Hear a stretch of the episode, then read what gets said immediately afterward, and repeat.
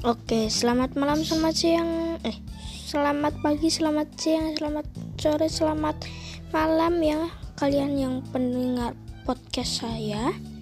Oke, di podcast ini aku bakalan menceritakan tentang kegiatanku sehari-hari ya. Yang pertama, bangun.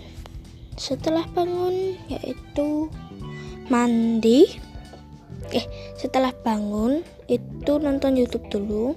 Setelah itu mandi. Setelah mandi nonton YouTube.